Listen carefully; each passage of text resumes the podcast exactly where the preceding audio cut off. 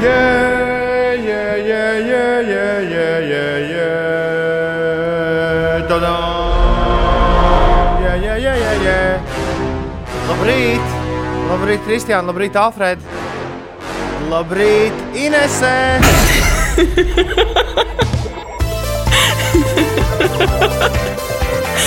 Normāli, normāli, normāli, normāli. Trešdiena, tā to sauc. Trešdiena, 5. augusts. Osvalds un Arvils svin vārdu dienas. Labrīt, Rīga, labrīt, Latvija, labrīt, pasaulē. Ir 10 pār 6, ir trešdiena, 5. augusts šeit, Latvijas radio 5, 5 LV. Nenovīti, pieci rīti. Nenovīt, kā, Es- es kā vainags. Nenovīti, jā, jā, vēl līdz galam nenovīti. Ar tevi kopā pieci rīti. Grēviņš ziediņa nav pučaka. Galvenais, lai nav savītuši, apvītuši. Pieci rīti. I Galīgi ne. Tu, tu pavisam tā kā nu pat aplaistīji. Puķīti šorīt izskatās. Nu, ko? Man nebija laika izmazgāt, nē, bet uh, izžāvēt matus. Bez tam matiem veselīgāk ir žūt dabiskā veidā.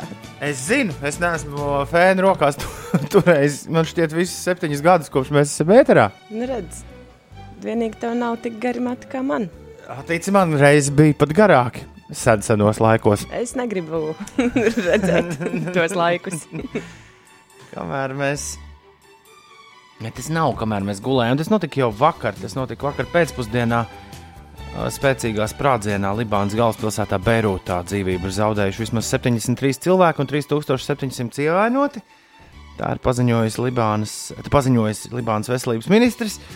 Uh, droši vien, ka par nakti tas upuru skaits ir pat pieaudzis. Šie dati ir uh, atjaunoti īsi pēc pusnakts. Nu, Pareizi sakot, īsi pirms pulksten vieniem. Es domāju, ka nu, jā, nu, fa- fakts mums jāpiemina. Viss internets pilns ir ar acu liecinieku video. Mm. Tādi tika uzņemti neviens vien no šīs sprādziena, tāpēc ka sākumā viņiem bija jau pamatīgs ugunsgrēks un, un bija jau sacēlušies milzīgas dūmi. Līdz ar to, to ļoti daudz cilvēku filmēja. Un tad, kad tas sprādziens notika, tad, tad šī ir tā reize, kad man liekas, ik viens planētas iedzīvotājs var pie sevis iedomāties, "Ah, cik labi, ka es nu, neesmu nekur tur blakām. Jo es domāju, ka nu, šādi, šādi notikumi jau tev atstāja pēdas arī tavā psihē un, un, un rādās pēc tam sapņos. Un, jebkurā gadījumā nav jau īsti nekāda morāla, ko izvilkt. Šis nav pagaidām nekas neliecina, ka tas būtu terorakts. It kā. Jā, to šobrīd uh, tur vaino ilgi glabātus uh, sprādzienu bīstamas lietas šajā noliktavā. Jā. Vai tas bija ar pirotehniku saistīts, to es arī nezinu. Vienīgā morāla, ko mēs varam izvilkt, ir. Tā ir tā pirmā versija. jā. Atcerieties, mums bija arī ten traks negadījums pir- pirms pāris gadiem ar pirotehniku saistīts Latvijā, kur bija ģimene mājās. Pagrabiņā saglabājusi diezgan daudz sprāgstvielas. Un Tad tās ir kādā ziemas naktī aizgāja viss pa, pa gaisu. Nu, nu ne, nezinu, nezinu. Es nekad neko neesmu spridzinājis. Es, ne, es nekad neesmu nopircis nevienu spridzināmo, un arī negrasos to darīt nekādos svētkos. Un es neredzu, ne, nu, kāpēc kaut kas pasaulē mainītos uz slikto pusi, ja tieši tā arī rīkotos vispārējie zemeslodes iedzīvotāji. Jā, pirotehnikas noliktavā. Sprādzienu iemeslu pagaidām nav skaidrs, taču to varētu būt izraisījis ugunsgrēks pirotehnikas noliktavā. Jā. Nu, jā. Sākotnēji, jā, kā tu teici, bija mazāks. Ines, geogrāfijas spēle, toties var uzspēlēt pateicoties, eh, pateicoties šai ziņai, jo BBC ziņoja, ka Kiprā Jā, ir dzirdējuši šo sprādzienu. wow! Uh, un izrādās, ka Kipra ir nu, ne gluži blakām, bet uh, 240 km. Uh, 24 km attālumā no Libānas, no Beirūtas. Zini, kā, nu, ja tu kartē neskaties, tad liekas, ka baigi tālu tas viss. Bet, uh, ja tas ir 240 km no Kipras, tad tas nemaz nav. Nav tik tālu. Nu jā. Vienmēr sakot, nevajag nekādu, nekādas pirotehnikas glabātuves nekur taisīt. Tā, tā ir viena lieta. Otra lieta ir, es šorīt atradu, atradu uh, nu, kā to sauc, pētnieciskās žurnālistikas, jā, pētnieciskās žurnālistikas portālā Spokela. es atradu Ines ziņu, kurā mēs esam pieminēti.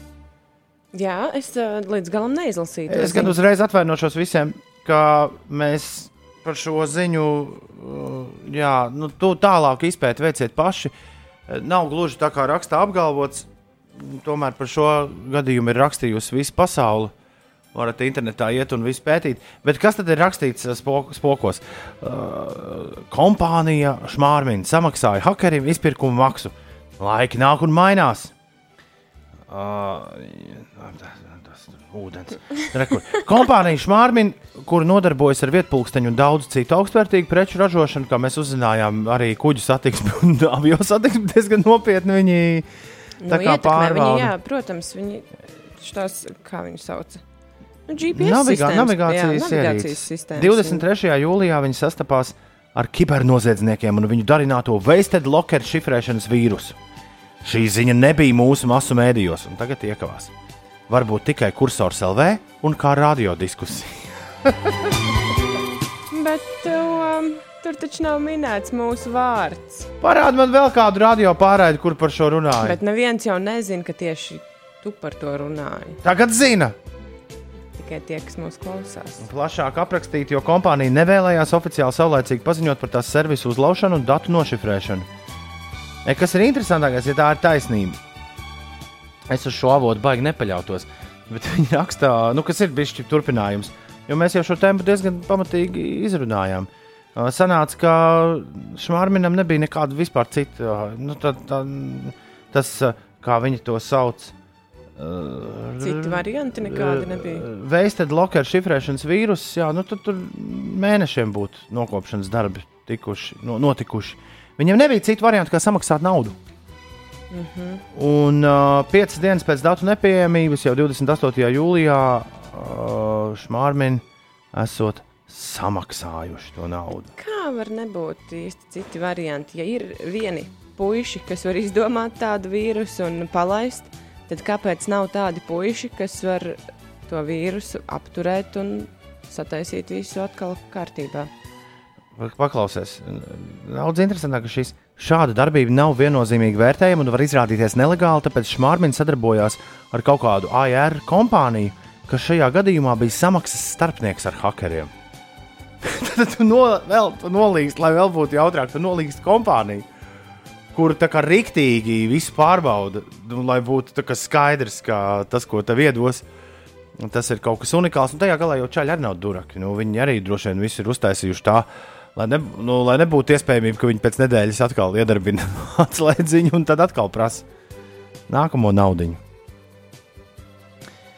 Bet uh, man patīk, ka raksta autors ir uzrakstījis. Ticu, ka Latvijā šobrīd pieaug un attīstās izcila kiberdrošības speciālisti. Manuprāt, nāku, tuvākā nākotnē šī varēs būt ļoti noderīga un aizraujoša profesija. Tā pētnieciskās uh, žurnālistikas uh, portālā Spoka LV raksts Spoks nulle. tas ir šāds ir Toms, tā autora protams, vārds. joko, ka tas ir pētnieciskās žurnālistikas portāls. Bet loģiski. Uh, jā. Tu joprojām nesaproti, kā var nebūt varianti. Tad droši vien ļoti daudz cilvēku darbiņu zaudēs no tuvākajā laikā, jo kāds bija caurumiņu atstājis vaļā. Vai arī kāds, kas strādā, bija palaidis, pavērs durtiņus un ļāvis tiem ļaunajiem rūtīšiem ienākt iekšā. Labi, mēs jau tikai tādus savākt. minējumus varam izteikt paši no tādas programmēšanas un tādām lietām neko neprotot. Tas- Spēlīts tik Tas, kas mani uztrauc joprojām šajā gadījumā, ko es darīšu, ja, pirmās pasaules problēmas, protams, ko es darīšu dienā, kad Spotify apstāsies uz nedēļu. Ko Kā, ko? vispār cilvēki, kur ir atkarīgi no mūzikas, ko viņi iesaistās? Labi, Klausīsies radio, radio. radio pareizi. Beidzot būs laiks radio gadījumā radio būtu ieinteresēts. Jā, Radio, tu, nu, visu radio pasaules tu nevari uzlauzt. Tas nav iespējams. es runāju par Spotify. Es saprotu, saprotu, saprotu. Iedomājies, Instagrams apstātos uz nedēļu. Tas, man liekas, nebūtu nekas traks. Mm. Nu, var jau būt. Iedomājieties, kā ULDS izstītos, ja Twitter apstādinātu uz nedēļu. Kā bez rokām. Var jābūt. Google mapos ir pat uh, iezīmēts, kur bija eksplozija Beirutā. Ja tu atver šorīt Beirutas Jā? karti, jā, tur stāv liela izsaukuma zīme ar uzrakstu Beiruta Explosion. Zinu, ka jāsaka labi, ka pilsētas nomalēja tā. Bet Kipra tiešām principā blakām. Libāna. Nu, rekur tev. Jā, vismaz viens iegūms Ineses geogrāfijas spēlē. Tā būs zināšana, ja tu kaut ko izdomās pēc pāris nedēļām paprasīt. O, o, atceries, vakar bija mums pieslēgušies pirmā kursa, ne, bet kreisā krasts. Pirmais kurs, kreisais krasts, kreisā krasta džeki. Jā, Un uh, mēs spēlējām rotaļu, kurā tika lasīti virsraksti par desmit pārtiks produktiem, kas ir. Nu, viens no virsrakstiem bija desmit pārtiks produkti, kas ir bīstami kaķiem. jā, tā bija. Tu biji šo aizmirsus? Nē, nē, nē, es atceros, viņi tur pāris lietas nosauca, kas varētu būt. Šis bija pārāk, jā, suņi un kaķu, gā, citi kaķi. Tā tālāk. Man liekas, ka šis ir pārāk labs materiāls, lai to tomēr neizmantotu radio eterā. Kā tev liekas, ko kaķiem nedrīkst dot? Mm, man liekas, gan suņiem, gan kaķiem nedrīkst dot uh, vistu kauliņus. Man vienmēr šķiet, ka zivis, ka tā ir nenormāla klišeja, ka kaķi ēd zivis. Mm, jā, Es kaut kur lasīju, ka tas nav viņiem pa labu. Bet patiesībā tie ir rekordi. Tagad, uh, tagad tu uzzināsi, tūlīt. Nu, Vispār arī, kas ir desmit pārtiks produkti, kas ir bīstami kaķiem. Rozīnes, sīpola, ķiploki, jēlas, olas, alkohols, kofeīns, tauki, kauli, piens un krējums un piens un krējums. avokado. Pieauguši kaķi nepanes pienu. Kāpēc tad viņi dzer pienu? Caurēji un tā sekojoša organisma atūdeņošanās. Izvairies dot kaķim pienu vai krējumu, bet, ja tomēr vēlaties kaķi pacienāt, tad tie pienu izvēlēties bez laktozes pienu vai krējumu. Kas tās par muļķībām? Tev dažreiz neliekas, ka cilvēki vienkārši izdomā kaut kādas uh, lietas tikai tāpēc, lai būtu kaut kas, ko uzrakstīt. Mm. Taču, nu, te man liekas, vetārstam Kristapam ir uh, jājautā. Gadsimtiem kaķi ir pienu dzēruši. Viņš čuč. Viņš čuč. Tad, kad mēs ar viņu būsim kādreiz pie, piefiksē, tad, kad viņš atkal būs sazvanījis diskžokei vai kādā citā reizē, tad mēs viņam šo pajautāsim. Jā, šo vajadzēs pajautāt. E, Nu, jā, jo vetārs Kristaps šobrīd čuč un kaķu kož. Viņš grib būt virs vidējā, viņš grib būt Kristaps. populārs, viņš grib būt atpazīstams, slavens, viņš dara visu, lai viņš tāds būtu. nav- Es kaut kur Tāpēc vajag kārtīgi izgulēties. Es aizspiedu garām podziņu. Jā. Kāpēc es nevaru vairs vetārstu atrast savā panelītī? Kaut kādi rūtīši padarbojušies tev tur. Nestrādā, nestrādā O. acis šajā rītā. Vai tu, ko tu vakar vakarā darīji? Basketbolu skatījos. Skatījies, ja? Bet es aizgāju gulēt. Ah, nē, es redzēju pašu, pašu noslēdzošo finišu kurus spēlē. Tā bija ļoti aizraujoša, bet izskatījās, ka porziņa spēle gan bija diezgan bēdu ielai. Bet beigās jau viss sanāca labi. Ko nopietni? Jā. Čāļi uzvarēja. Jā. Wow! Ar kādu rezultātu? 114 pret 110 pār Sakramento Kings. Jo pirmajā pusē viņi visu laiku gāja tādā mīnus septiņi. Nē, nē, pārtrauca divu zaudējumu sēriju. Wow! Jā, bet Rodions gan. Nu, Kristaps, Kristaps ir ļoti tāds, nu, pragmatisks spēlētājs. Tā es pēc vakardienas spēles spriežot teiktu. Bet Rodionas, Rodionam gan ir kaut kāda raķete iebāzta. Neteikšu, kur. Viņ- Viņš ir aizgājis, jā. Es domāju, ka tur mēs lielas lietas sagaidīsim. Jau visai drīz.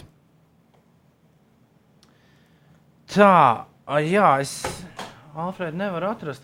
Man viss uz paneļa ir nomainījies šeit. Re, kur tu man esi? Alfrēds! Alfrēds! Au!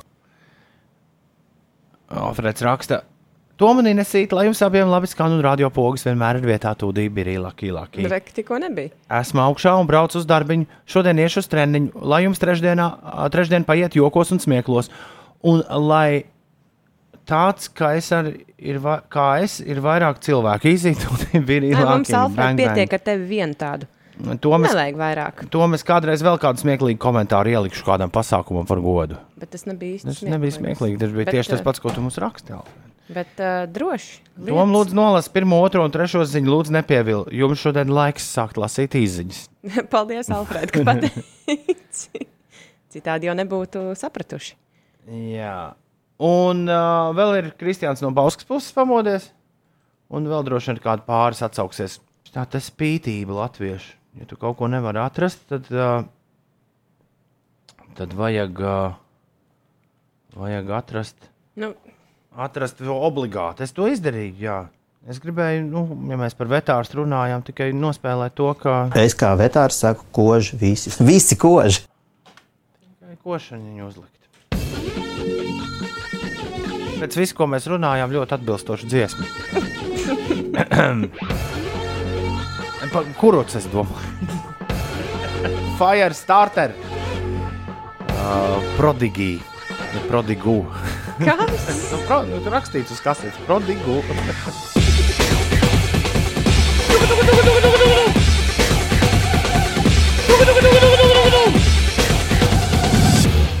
Labi, rītiņ, no rītiņa. Tie bija Prodigy 629. Labrīt! Today very lucky. Congratulations me! Yay! Yeah, yeah, yeah, yeah. Šodien bez nokrišņiem. Tu jūties, cik tas labi skan? Jā. Šodien bez nokrišņiem. Lēns vējš rīta stundās vietā migla dūmaka. Maksimālā gaisa temperatūra plus 19, plus 24 grādi. Nu, brīnišķīgi. Jā, kā ziņās rakstīja, lietus ir pametis Latviju. Bet uh, kurzems pusē ir sabiezējusi migla. Tā kā tie, kas Apsveicam. brauc ar auto, esiet prātīgi braucēji. Vai šovakar būs 28? Ko? Tas taču nebija, plā, nebija plānots, man liekas. 28! Šovakar. Uz, uz jūru, Jā. uz jūru maršu. Ines sauļoties. Hmm. Jā, pat iekšā un uz jūru maršu. Rīt jau vairs būs tikai plus 24. Bet par laikziņām mēs šorīt parunāsim nedaudz vairāk, jo pēc pusdienas astoņiem no rīta mums pieslēgsies viens no svarīgākajiem laika ziņu vīriem, kuru mums pat bail citēt. Jo, ja nu nocitēs nepareizi, tad būs Rīgas. Tos brīdis šorīt pievienosies mums. un Man ir pāris jautājumu, kurus es vēlos viņam uzdot. Es pieļauju, ka tieši tie paši, kurus jūs vēlaties viņam uzdot. Tāpēc mēs ar uh, laika vīru šorīt parunāsim pišķi vairāk. Uh, Reizekns Mopsis ir modies. Viņš saka, ka Latvijā līst lietus šobrīd. Nē, nevar būt. No. Labrīt, bija ieslēgusi radio visu nakti un izrādās, ka kaimiņš suns māk ritmis, ritmi, ritmiski riet līdzi jūsu naktas dziesmām, raksta baiva. Pagriez radio skaļāk, man liekas, ka sunīts būs iemācījies jau šo panākti no galvas. Jau pirms kāda brīža Arno mums prasīja, kā ar laiku šodien. Viņam jāstrādā ārā visu dienu, tā kā nu šodien būs karstais. Arno paņem ūdeni līdzi. Varēs liet sev uz galvas. Un Ulas raksta, labrīt, uiku grūti pēc atvaļinājuma piecelties četros no rīta. Un kur nu vēl smadzenēm likt strādāt? Milimetri jūka ar centimetriem, bet gan jau uz kādiem deviņiem viss nostāsies savās vietās. Visiem spēku atsākt strādāt pēc atvaļinājuma. Tas jau nav tikai pēc atvaļinājuma. Tu dzirdēji, kā es nu pat mocījos ar savu jinglu paneli. Kurā te kāds ir paspēlējies ar viņu? Kas tas ir mūsu kolēģiem? Kā, Nu, es sēžu te kāds domā, hm, galīgi nav ko darīt. kā Ko varētu ko izjokot? es varētu, ko varētu grēviņam tādu jautru, nu, ko varētu tad jautru izdarīt? O, varētu pārkārtot viņa podziņus šeit. Šito pārliksim te, to pārliksim tur. Nu, varbūt netīšām mums tomēr ir vairāki jauni kolēģi, kas nezina to Jā, jā. lietu kārtību. Jaunieši, jaunieši nāks tik te visādi. Līdz vien biežāk redzēsim jaunas sejas. Nu, tā blēzīs augšā. Jā, tā rādio. Beidzot, reitingos uzblēzīs normāli. Ah, Labrīt! Ir uh, 6,35 minūtes. Jā, nu, tas uh, to spēku atgūt pēc naktas ir speciāli vingrinājumi. Liekas, ir vajadzīgi, lai, lai, lai dabūtu sev atpakaļ. Šorīt es sev pats pārsteidzu Ines, ar kaut ko pilnīgi jaunu. Nu, nu, manā, stāsti. manā zemapziņa man pārsteidza ar kaut ko pilnīgi jaunu. Viņi uzģenerēja, tas pat ne, fantāzija, kas, kas tas skaitās. Uh, mirklī, kad tu atrodies starp nomodu un miegu tajā brīdī, kad tev sāk pīkstēt uh, šis te, Modinātājs. un tu gribi viņu izslēgt. Jā, Man uzkonstruēja manā uh, fantāzija kastīti, kas stāvēja blakus telefonam. Un bija speciāls kā modinātāja pielikums. Un izslēgt es modinātāju varēju tikai un vienīgi tajā kastītē, nospiežot vajadzīgās podziņas. Un es spiežu to kastīti, un nekas nenotiek. mm -hmm.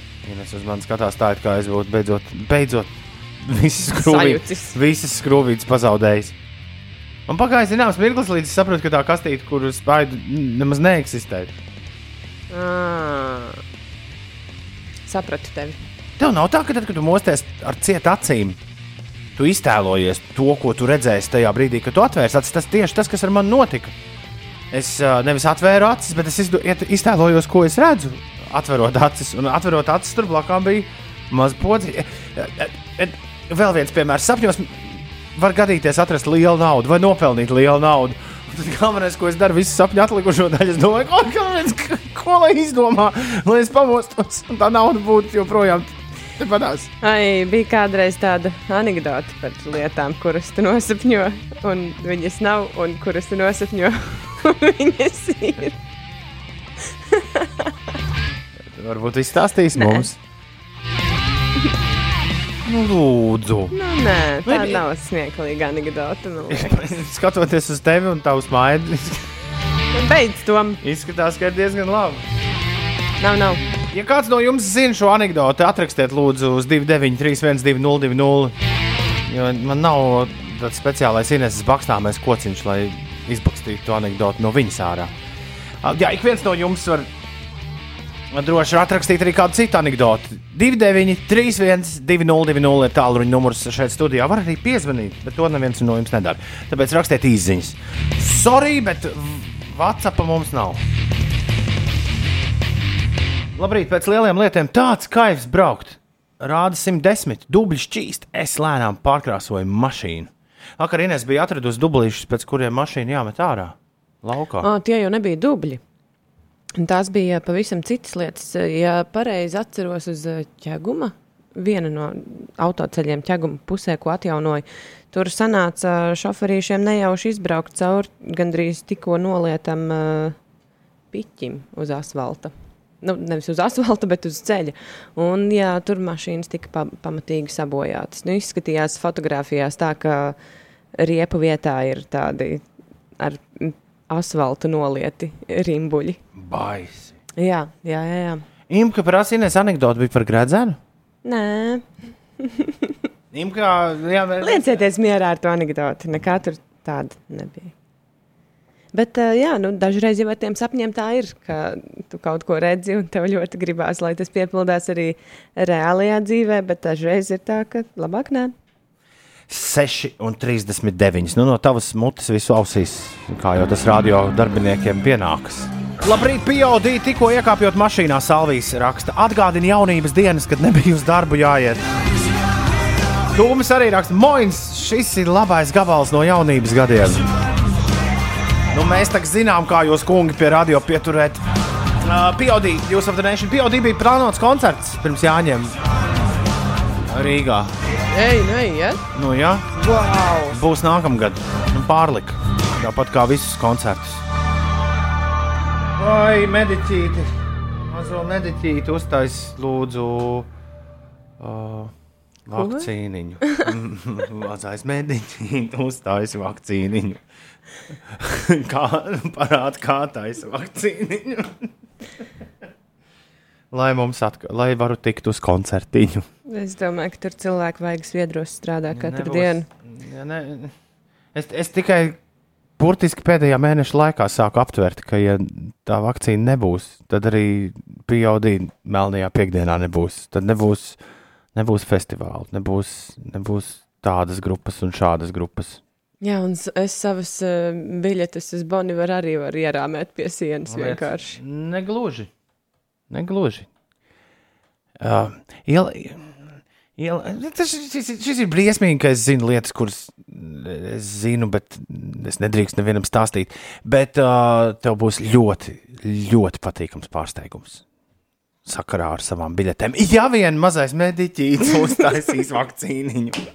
Ai, tu tad sastāstīji visādas brīnumus. un Tās ir tās lietas, kuras var notikt un var arī tikpat labi nenotikt. Nē, nu, šo, šogad es jums esmu vairāk kārt teicis, to jūs to arī laidāt aiz ausīm. Līdz, un pēdējais, ko es dzirdēju, līdz kaut kādam nākamā gada martam, nenotiks nekas, Jā, kas saistās ar starptautisku mūziķu braukšanu. Bet uh, skaties, uh, nu, tādu cerības stariņu, lai arī grupas nosaukums pavisam uh, nu, nē, nav.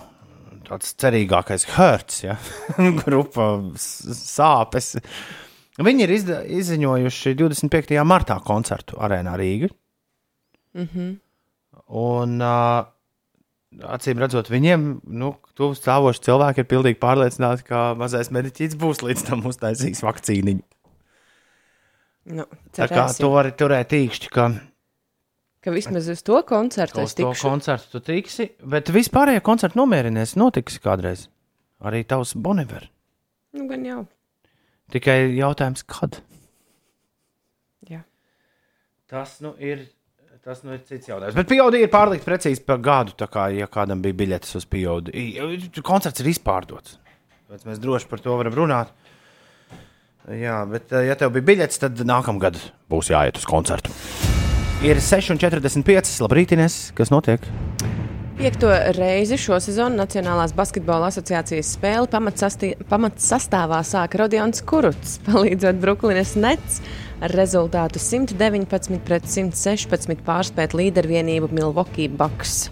Jā, cik es eh, saprotu, Rodions bija nu, teiksim, tā, diezgan rezultatīvs salīdzinot ar eh, aizvadītajām spēlēm. Viņa kontā desmit punkti. Un Kristapa Porziņa pārstāvētā Dallasas Mavericks pārtrauca divu zaudējumu sēriju Nacionālajā basketbola asociācijā ar 114 pret 110 papildu laikā pieveicot Sacramento Kings vienību. Porziņš nopelnīja 6 personīgās piezīmes, bet eh, guva 22 punktus. Un Latvijas pirmā raketa sieviešu tenisā Aļona Ostapenko ir pieteikusies dalībai US Open turnīrā, kuru sākums ir gaidāms 31. augustā. Tā vēsta rīkotāja publicētais spēlētāju saraksts. Turnīra norise Ņujorkā plānota tātad no 31. augusta līdz 13. septembrim. Rīkotāja vēsta, ka turnīrā piedalīsies 13 tenisisti, kuri kaut reizi karjerā ir uzvarējuši Grand Slam turnīrā. Un par pašmājām Liepājas teātris šodien atklās pagalmu koncertu sēriju Vasaras vakari Liepājas teātrī, kas notiks 7. augusta vakaros Teātra ielas 3 pagalmā. Kaut kā tā. Ne teātros jau normāli, pusotru metru atstutumā var sēdēt. Ja? Jā, Tā viņi tādas kameras Jau- kamer izrādes lielajā zālē arī spēlēs visu es ziemu. aizmirsu nopirkt biļeti uz teātra izrādes, ko es gribēju. Uh, bet, Uz Sešos no rīta. Nē, nē, nē. Pagājušā nedēļa es skatījos, uz kādu teātrus izrādi varētu aiziet. Jo te galvaspilsētas teātris jau pamazām, pamazām sāk uzņemt cilvēkus nu, telpās. skatīties Labrīt, izrādes. mazā versija rīta piecīšiem. Uh, šodien brīvdiena, bet miegs nevienā acī raksta klaus.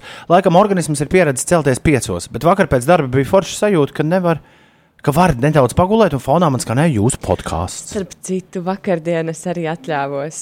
Es aizbraucu mājās Pagulēt? un pagulēju. Visi, man liekas, vakar pagulēja. Es arī vakar pagulēju. Bet man tāds prieciņš par to, jo nu, es ļoti reti tā dabūnu izdarīt. Jē, anekdote, kur mēs iepriekš uh, Nu, nē. neizdzirdējām, ēterā, ir pavisam vienkārši. Biļešu kontrolieris guļ gultā un sapņo. Viņš sapņo, ka jā, tas, kurš nu, trolēļbusos un tramvajos iekāpj ar to tur. Tur neesmu redzējis, kāda viņa tagad izstāsta. Plasmas, viņa tā, ar tādu plasmas. Uh, Sejas Jā, aizsardzības. nema, nemaz nevar pamanīt, ka ir iekāpuši transporta līdzekļi. jā, Bet tā ir daudzās vietās, arī dažās ēdināšanas vietās. Šādi cilvēki stāv pie ieejas ar sejas aizsegu un liek izmērīt temperatūru. Biļešu kontrolieris. Tas Jā. biļešu kontrolieris guļ un sapnī redz, ka viņam ir ļoti pilna gulta ar naudu. Viņš pamostas no rīta. Oh! Nav naudiņas. Nav. Nākamajā vakarā, nākamajā naktī biļešu kontrolieris mm, redz sapnī, ka viņam pasprucis gultiņā ir palodītis ar nu, sekām. Viņš pamostas no rīta. Oh, ir! Diez vai viņš tik priecīgs to konstatēja. Jā, viņš gāja uz vannas istabu un dungoja pie sevis šo dziesmu. Kā to? Ko mani putni ēd?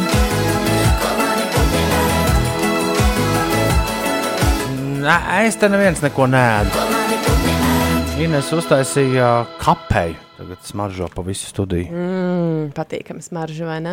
Es tūlīt likšu pretī ar savu pie citrono, ci- Ķīmisko tēju. Piecitra- citronēto ķīmisko tēju, tūlīt tu dabūsi tās. Uh, Aromātu. jā, Nē, kafija uzvarēs. redzēsim, redzēsim. Tā tad dzērienu kauja jūsu rītrādio šajā brīdī. Tududum, tududum, tududum, tududum. Labrīt, ir 6,56 minūtes. Šeit pieci rītī, Latvijas radio 5, 5 LV. Re, Ines, gaidīšana tūlīt būs cauri. Uh, Kāda gaidīšana? kur man te pazuda vakcīnas gaidīšana? Re, kur LSM raksta? Ā, Skaidri, melns uz balta. Krievijā septembrī sāks ražot vakcīnu pret covid-19. Trīs Krievijas uzņēmumi septembrī rīt panorāmā tā ziņojot. Nu, Paldies Dievam, ka vēl kāds ir gaisā šajā brīdī bez mums.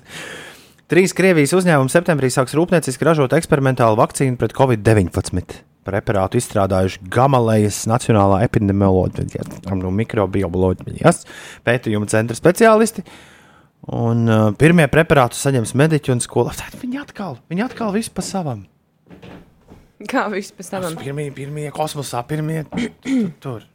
Bet uh, tā jau ir eksperimentālā. Būtu cilvēki par cilvēktiesībām bijuši padomājuši. Ko, ko tad pirmajiem? Pirmajiem tiem, kuri grib uz koncertiem? Nu, jā, jums biļete uz pieaugļu, nāciet šurp. Stājieties rindā, čiks un gatavs. Tā jau ir eksperimentālā. Nu, nekur jau nav rakstīts, ka viss aizies. Nē, nu, ska, ne, nu skaties, nē, ir jau plāns gados. Pirmie preparāti saņems mediķi un skolotāji, bet pēc tam tiks vakcinēti pārējie iedzīvotāji. Tad uz mediķiem un skolotājiem izmēģinās. nu, labi, labi. Kā, kā viņi ir izdomājuši, ka bez, tieši bez tiem var iztikt? Preparāta izstrādātāji informēja, ka tas veiksmīgi izmēģināts. Paklausies, ir. Jā, un vakcinētājiem esot izveidojusies imunitāte pret koronavīrusu. Tomēr daudzi ārvalstu eksperti, tagad, tagad kritiskā mm -hmm. daļa šai ziņai, daudzi ārvalstu eksperti aicina būt piesardzīgiem, jo tik īsā laikā nav iespējams veikt pilnvērtīgas pārbaudes. ASV galvenais infektologs Antonijs Fauci, tad viņu ā, Uga, pirms dažām dienām brīdināja par Ķīnā un Krievijā izstrādātajām jaunā koronavīrusa vakcīnām un pauda bažas par to drošību. Abās valstīs uzraudzības sistēmas ir daudz vājākas nekā rietumu pasaulē, un tas palielina kļūdu risku. Daudz zinātnieki arī pauž bažas par uzsākto Ķīnas militāru personu vakcināciju ar nepietiekami pārbaudītu preparātu. Tā, tiem, re. tiem jau spricē iekšā. pasties. Nu, traki, traki, traki. traki. Nu, Bet, nu, vismaz pat ja tās pēdējās muļķības, un viņi vienkārši penicilīnu ir pārpakojuši jaunās, mm, jaunās ampuliņās.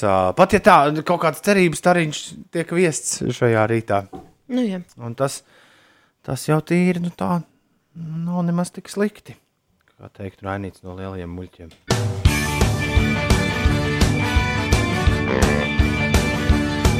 Kā tu plāno lielos muļķus pastīties, ko? Ah, jā, pareizi. Tas bija seriāls, ko man vajadzēja skatīties. Ingūram šodien bērni jāved uz Bērmudu divu stūra koncertu. Visas biļetes izpirkt. Es skatīšos Labi. lielos muļķus, kad jaunajā dzīvoklī nopirkšu beidzot televizoru. Oh, Jo televizors man nav bijis kopš vidusskolas. es, es vienīgi jau garā acīm iedomājos, cik tev milzīgs televizors būs. Ui, Nu, nē. Kāpēc ne? Tāpēc, kad. Uh, Šobrīd viņi maksā ļoti, ļoti draudzīgas cenas Tāpēc, ka milzīgiem televizoriem. Muļķīgi pirkt milzīgu televizoru, ja tev nav gana liela telpa, kurā to turēt, un tu sēdi neveselīgā attālumā. No Jā, tā. tas gan, tas gan, tas gan. Tas gan. To tu saki pilnīgi pareizi. Pilnīgi pareizi. Šodien forša un darbīga diena būs kosmonauts raksta.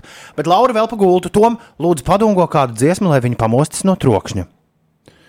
Kosmonauts pats rakstīja pirms astoņām minūtēm, ka tu pat dungo ne muzikāli, bet pa savam.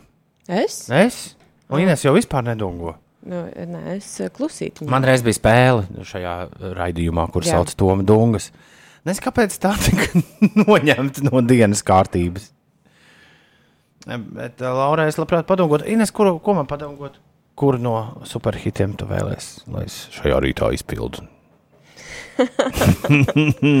Superhitiem. Mm, kuri diez tie varētu būt? Iestājās neveikls klusums, jo loģiski mēs nebijām gatavi šai, šim kosmonautu izaicinājumam. Aista Andrejevs eh, dziesma par korķīšiem. padangot. Ah, nē, tā bija otra. Laura, celies augšā! Ui, pu, pu, ru, tu, Tos korķīšus, ko ausīs bāzām, mēs pēc tam dārzā rakām. Tā tur bija. jā. Neatceros. es ļoti ceru, ka Laura pamodās. Vairāk nebūs jādomā. Laura, celies augšā.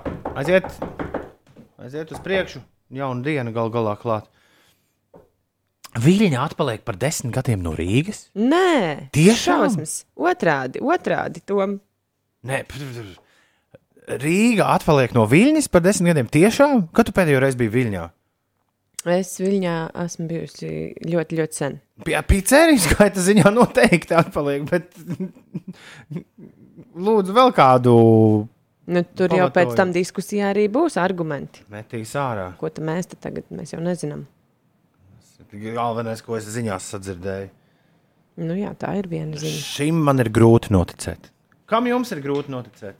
Atrakstiet 293, 202, 29, 31, 202.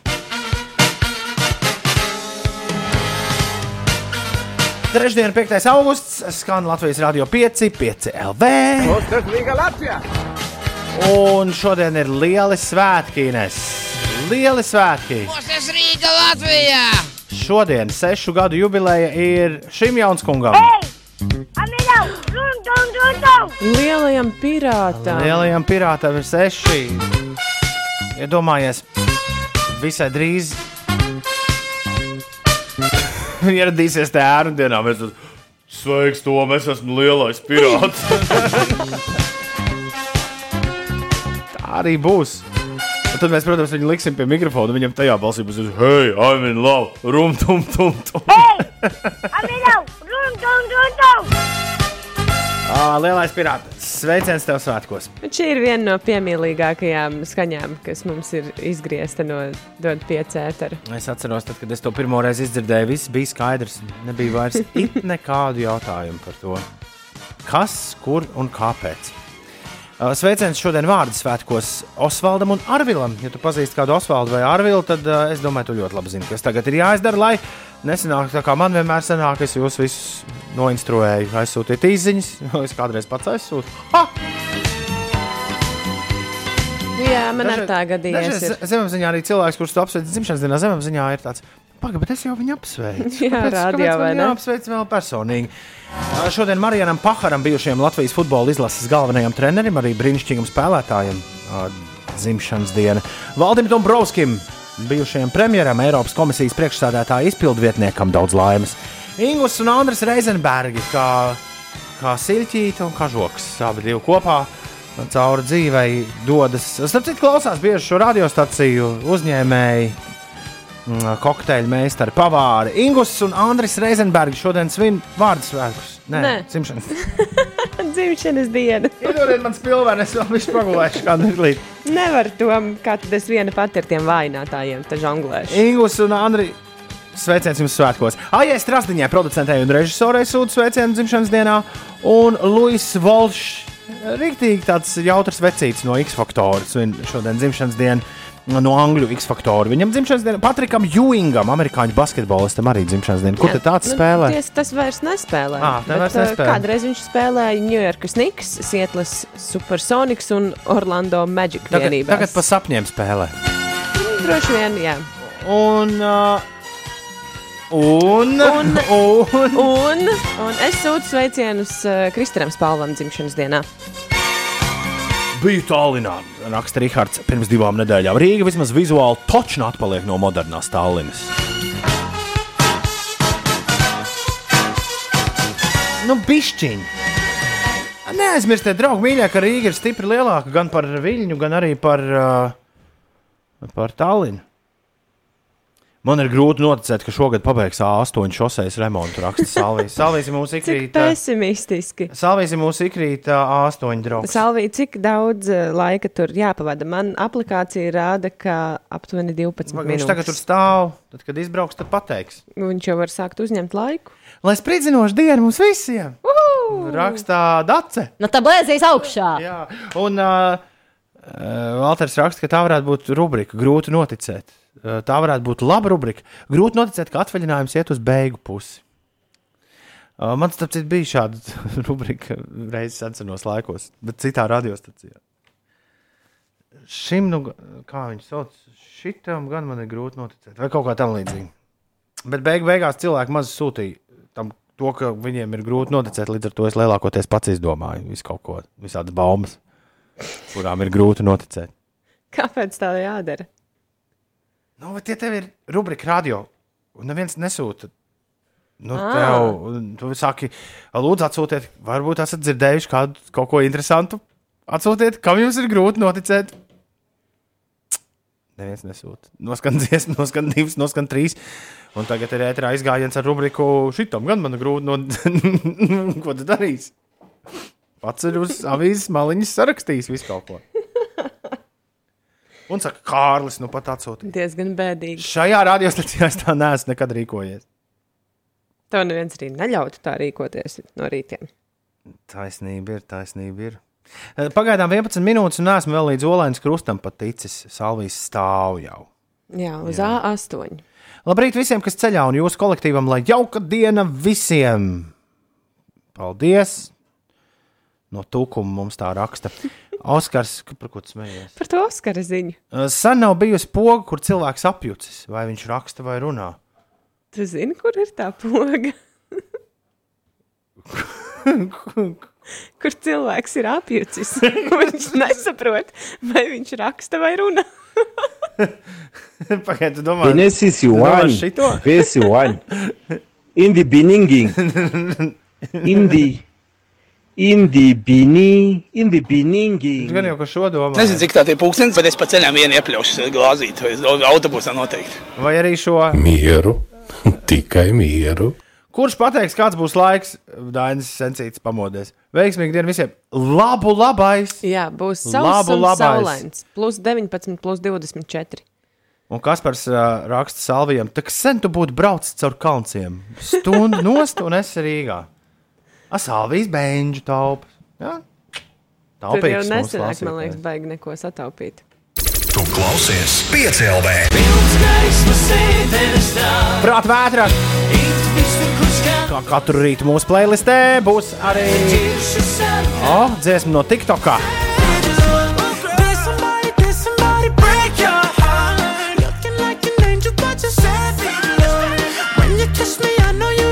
Vispirms 7,14 izdejojam vientulību. Inters Busulis, abonementa orķestris GG Choir. Aiziet! Jā, visi tie, kas dušā var dziedāt līdzi. Manas koordinātes, me. Cause I still want that, your savage love. Josh 685 un Jasons Derulo. Savage love. Pirms tam bija Inters Busulis. Un izrādās, Inês to dušu piesauc pirms busuļa, tāpēc, ka viņai kāds draugs izstāstījis, ka viņš dušā dziedot līdzi Inters Busuļa dziesmām. Jā, Viņš tā katru reizi apzināti izdomā, tā, kurš šodien būs. Man arī tā kafija. nu, to es nezinu. Jā. Sveiciens visiem, kuriem ir tiem dažiem klausītājiem, kuriem ir dušā radioaparāti. Prieks arī būt ar jums kopā dušā tajā brīdī, kad neviens neko nedzied. Ir īpaši, protams, vizualizēt to, kā tur izskatās. Nu, tajā brīdī, kamēr, kamēr jūs mūs klausāties. Ko darīt, ja vajag uz pārdaugavu salvijas prasa? Nu, tas ir, ir atbilde uz kāda cita klausītāja, uz Kaspara laikam rakstīto, kur Kaspars teica, ka sen būtu braucis cauri kalnciem uz Rīgu, nevis ā, Jelgavas šosei, bet salviem vajagot uz pārdaugavu. Tāpēc, acīm redzot, viņam tomēr ir jābrauc pa to olainas sastrēgumu. Un Oskars raksta, ka ne, es neesmu nevienu pareizo pogu nospiedis pirms mirkļa. neviena no šīm no pogām, kur tu spiedi, Oskars raksta. Tur laikam cilvēks bija balss runu jums atstājis. Kas tas ir bijis? Uh, tas nebija. Iet pa ceļu, nagu laks, nagu laks, nagu laks. Apjucis, apjucis. Dušā visu var dzirdēt, visu māju var dzirdēt, raksta zivtiņa. Labi, mēs bišķi to nolaidīsim nedaudz lejā. Ines, kas notiek? Nagu laks iet gar A8 šoseis malu un skatās, kā no Dabas līdz jaunolēnai cilvēks stāv jau apmēram 20 minūtes sastrēgumā. Tas 25, Salvijas ir izmērījis. Redz, kā viņš 25. Tātad tas braucot Rīgas virzienā. Par Rīgas ielām Kārļa Ulmaņa gatavs pagrieziens uz vienības gatavs sastrēdzis uz 5,5 minūtēm, bet citviet izskatās, ka viss ir uh, mierīgi. Par sportu piekto reizi šo sezonu Nacionālās basketbola asociācijas spēli pamatsastāvā sāka Rodions Kuruts, palīdzot Brooklynas Nets vienībai ar rezultātu 119 pret 116 pārspēt līdervienību Milwaukee Bucks. Kristapa Porziņa pārstāvētā Dallasas Mavericks pārtrauca divu zaudējumu sēriju. NBA ar rezultātu 114 pret 110, papildu laikā pieveicot Sacramento Kings spēlētājus Kristaps Porziņģis šajā spēlē guva 22 punktus. Latvijas pirmā raketa sieviešu tenisā Aļona Ostapenko pieteikusies dalībai US Open turnīrā. Tas notiks Ņujorkā no 31. augusta līdz 13. septembrim, un Nacionālajā hokeja līgā bijusi spēle starp Kolumbusas Blue Jackets un Toronto Maple Leafs. Tiesa, šajā spēlē Elvis Meržģīkins vārtus nesargāja, un Blue Jackets arī zaudēja rezultātu 0-3. Tiešām blue jackets. Tā. Columbus very, Blue Jackets. Very blue jackets. 3-0. Ah, brauc uz Jāgaunu pa kalnciem ceļu, raksta Arnis, pretī nepārtraukta autoplūsma. Tās pašas mašīnas, kas katru rītu un tajā pašā secībā. Labs TikTok video no šī sanāk. Vienu dienu nofilmē, otru dienu. Un... Prāta vētra. Skaista mīkla braucot pa astoņu salvijā. Salvija, paldies! Jā. Man liekas, nu jau reportāžām būs gana. Ticis cauri sastrēgumam. Vēl joprojām raksta. Es ļoti ceru, ka raksta, ka tu esi blakām sēdētājs, nevis pats uh, pie stūra salvī. Jo visstrakākais, ko jūs mums varat nodarīt, uh, daudzi radio un mēdīju eksperti uzskata, ka visļaunākais, ko jūs varat nodarīt mums, ir pārslēgt radiostaciju. Uh, proti, nu jā, mūs, mūsos klausoties, vienā brīdī saprast, nē, es tomēr gribu paklausīties kaut ko citu. Bet nē, ir vēl viena trakāka lieta, ko jūs varat izdarīt. Jūs varat pie stūra sēdot, rakstīt mums īsiņas, un tas ir ļoti, ļoti, ļoti bēr. Es ļoti ceru, ka neviens tā nedara. Tu Inês kādreiz raksti pie, tu raksti pie stūra īsiņas, kādreiz kādam. Kāpēc tu tā man jautā? Es tev prasu. Uh, Mm -hmm. es esmu varbūt uh, ieskatījusies telefonā pie sarkanās gaismas stāvot, bet ne jau braucot. Nē, nu, ja jau telefons ir nolikts un tur tev rāda karti, tad viss kārtībā. Bet... Oh. Sīpola ir prasa, tā nedrīkst. Nu, nedrīkst gan. Ir jau visādas uh, interesantas lietas redzētas, kā cilvēki izklaidējas pie stūres. Es domāju, ka kaut kādam taksistam redzēju, nu, tajā telefonā, kas ir nolikts statīvā uz uh, paneļa, kad tur skatās. Nu, labi, var jau būt, ka neskatās. Varbūt nebija citu iespēju, kur klausīties mūziku, bet YouTube video. Jā, jā Tas, man liekas, šitie it taksi- taksisti, kas spēlē. YouTube video, tie ir vispār labi. Tas nu galīgi nav savienojami ar braukšanu. 7 un 29 minūtes ir pareizais laiks. Šis ir pieci jauno vecāku rīts. Oi, kas tās par skaņām? Tas ir skaņas, ar kurām jaunie vecāki mostas. Mm. Jā. Labu rītu! Jaunie vecāki, jaunie cilvēki, iztaisnosim muskuļus un laižam nelielu vingrinājumu šajā. Pa. Šitā viņi dara. To man gandrīz sanāk. Tās ir kustības oficiālās. Nē, tās nav oficiālās kustības. Šim ir, kad nes zārku. Ah. Tā staigā apkārt.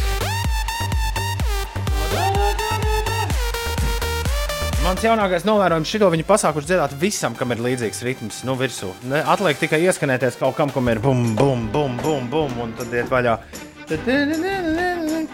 Par spēlēm šorīt uh, parunāsim. Pasaki, bola. Bola? U, tev biksēs ola. Pas, pasaki, pasaki, kasa. Kasa. Tev biksēs desa. Pasaki, zaķis. Zaķis. Tev biksēs kaķis. Tā ir Jā, tā ir. dēlu spēlīte tagad. Uh, pasaki, pirkts. Pirkts, Jā. Pirkts. Tev biksēs zirgs. Pasaki, nīca. nīca. Tev biksēs pizza. Tas ir. Man Tu, tu vēl- iemācīji puikām. Pēdējais ir šorīt sagatavots. Pasaki, vēja. Vēju, Vējā. vēja. Tev biksēs tēja. Ja klausītāji redzētu, ar kādu prieku Toms Šitā man, jā, mazie dzēdi arī sāk mācīties atskaņas. Aha. Vakar man pārsteidza ļoti interesanti ar vienu, bet to es man bija jāpieraksta. Kas bija izdomāts? Ja? Bet jā, šī ir ļoti laba, šī laba rotaļa, kur spēlēt. Uh, Mašīnā braucot garā tad, izbraukumā. kad, tad, kad rīktīgi garlaicīgi paliek, tad, tad var mierīgi un, un ieiet nenormālā. Es skatos uz, uz uh, šis īpaši patīk uh, četrgadniekam, viņš ieiet nenormālā azartā. Uh, Tiesa viņš arī dāvi, nu, darina vārdiņus. Nu, jā, viņš Viņš izdomā, Da- daudz viņš, nezināja vēl. viņš, piemēram, izdomā, ka biksēs būs brilles, un tad viņš saka, nevis dīles, bet pasakā svilves. Nu, kaut kādu vārdu, kas nav. pasakā svilves, saka svilves, tev biksēs brilles. Bet arī tas rosina iztēli. Egons atsūtīs, pasakā keks. Pats pasaki. Keks. Ai, nē.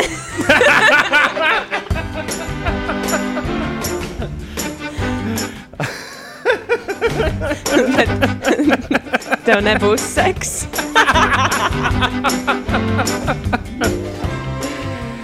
Uh, jā.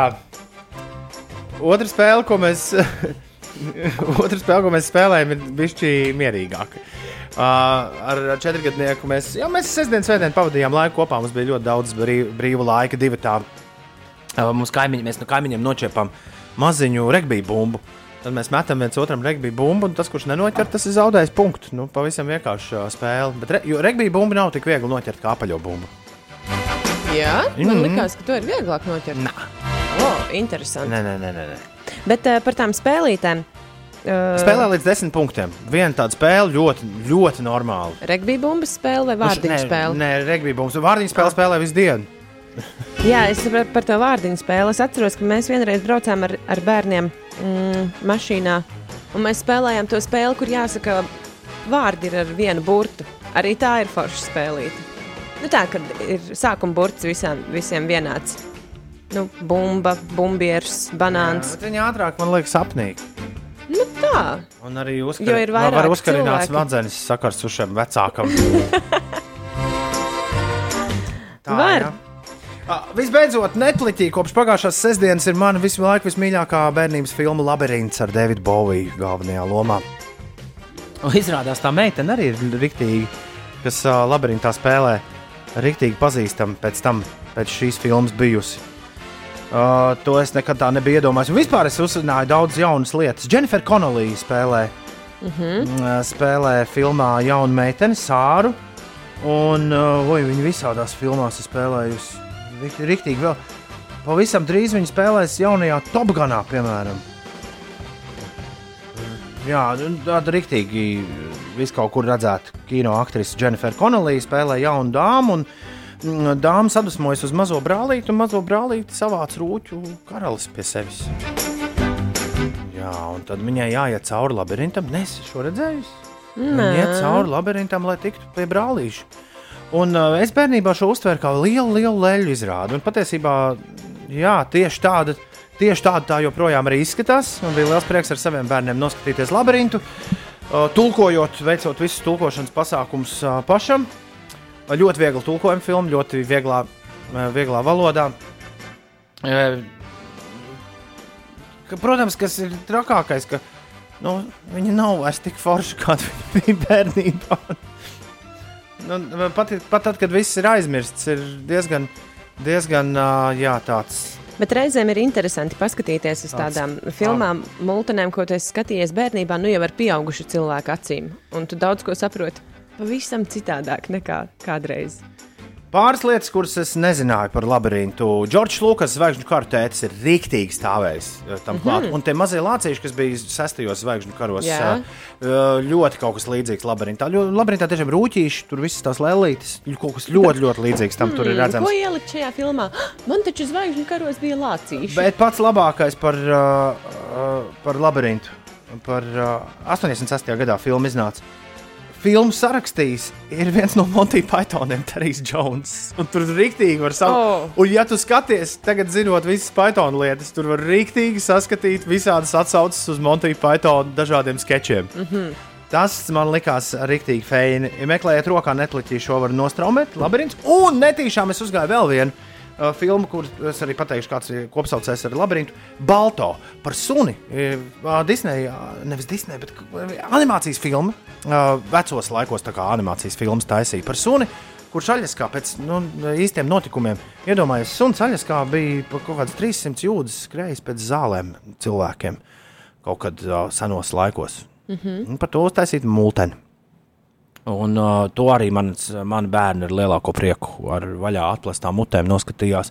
Abas šīs filmas, gan Labirintu, gan Balto, vieno tas, ka viņas ir bijušas pilnīgi kases, izrādās uh, kases katastrofas, tad, kad filmas iznāca un parādījās uz ekrāniem. Balto šis te rotaļlietu stāsts uh, izsit no ierindas, jo tas iznāca tieši tajā pašā nedēļas nogalē, pirmais pats, uh, bet savukārt Labirintam vienkārši negāja. Tur gan tajā nedēļā apstājos, kas tur topā bija. Uh, man liekas, tajā 88. gadā bija daudz filmu, kuras ļaužu joprojām skatās. Bet, uh, bet jā, labirints, uh, labirints izrādās tikai pēc tam televīzijā ir ieguvis uh, nu, to lielo kultu abrīnu, kas tas ir. Nu, un, protams, saucērīgi Davidu Boviju visu laiku nu, redzēt un, un klausīties. Viņš arī visas dziesmas filmā ir sarakstījis un pats arī dzied. Tā kā bišķiņa mūzikls arī sanāk. Neizskatās, ka es Inês būšu pierunājis. Labi, Nu, nu, te- skatīties, bet tas arī nebija mērķis. Šo rubriku gal galā sauc jau no vecāku rīta. Tu ar tiem pēdējiem vārdiem par to mūziklu mazliet nogalinājumu vēlmi manī skatīties. Nu, labi. Tad paklausies vēl astronomiju.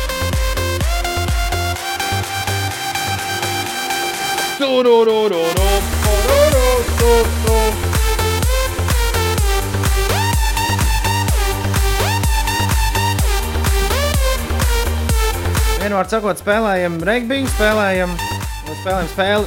Ines, eh, pasaka laka. Pats saki, laka. Jau biksēs.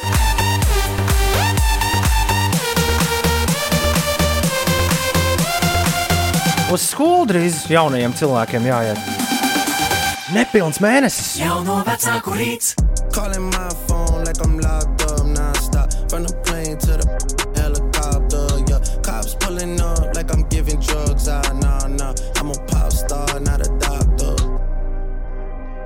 DJ Khaled, Drake, popstar. Inesē bija tāda uh, lieliska vizualizācija šai dziesmai. Jā. Nu, tu man teici, tad, kad Nu, Viņš iesāka skanēja. dziesmā, sākuma rindas dziedāt tik ļoti kautrīgs, tā kā tāds pamatskolēns, it kā skolēnu talantu konkursā būtu jādzied viņam. Nekas jau baigi, man liekas, nemainījās arī dziesmai tālāk, ejot uz priekšu.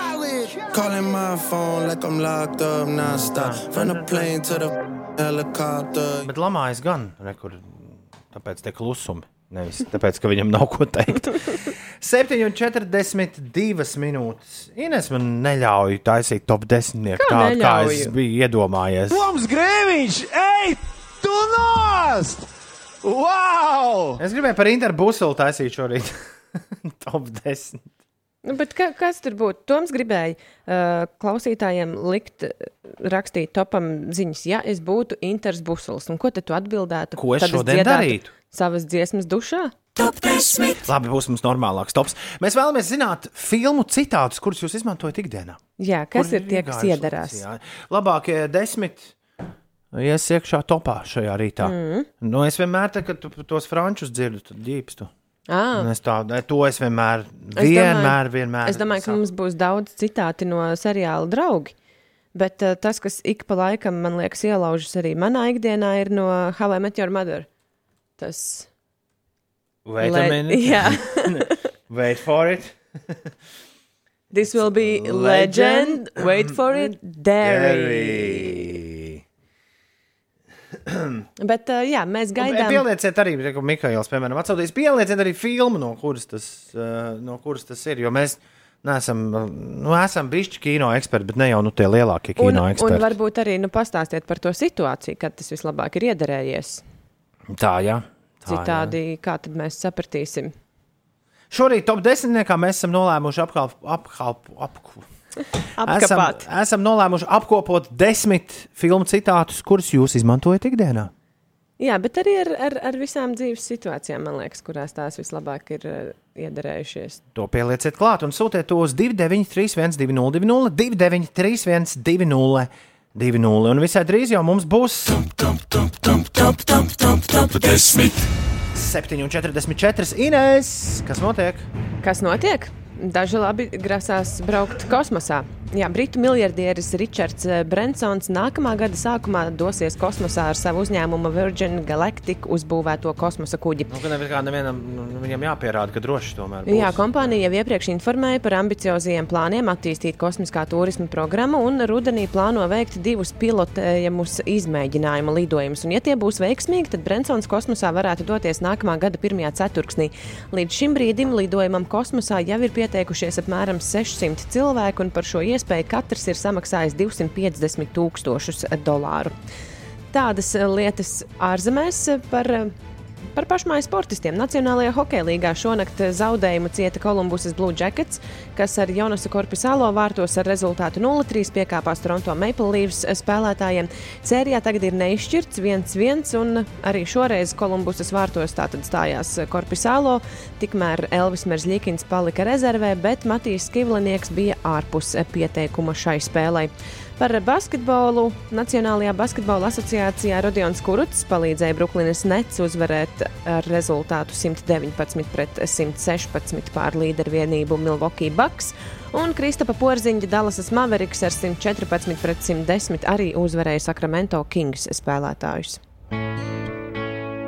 Filmu citāti, kas bieži, nu, tev daudz lieto vārdu pasprūk, pasprūk ikdienā. Tiek meklēti šorīt top 10. Sūtiet to šurp uz 293, 202, Top 10. Jej! Bumbiņi, bumbiņi, bumbiņi, bumbiņi, bumbiņi, bumbiņi. Kur mani bumbiņi nesa? Es nezinu. Tas bija retorisks jautājums. Šī bija viena no populārākajām dziesmām joprojām uz planētas, un tas daudz ko pasaka par 2020. gadu. Ir 7,52 minūtes. Labrīt, visapkārt! Top 10. Šorīt top 10. esam apkopojuši nu, diezgan stresaini, te ap divi bez ulu. Tu, tu te visu laiku stresini. Jā, esam salikuši kopā desmit svarīgākos kino citātus, kurus jūs izmantojat ikdienā. Jā.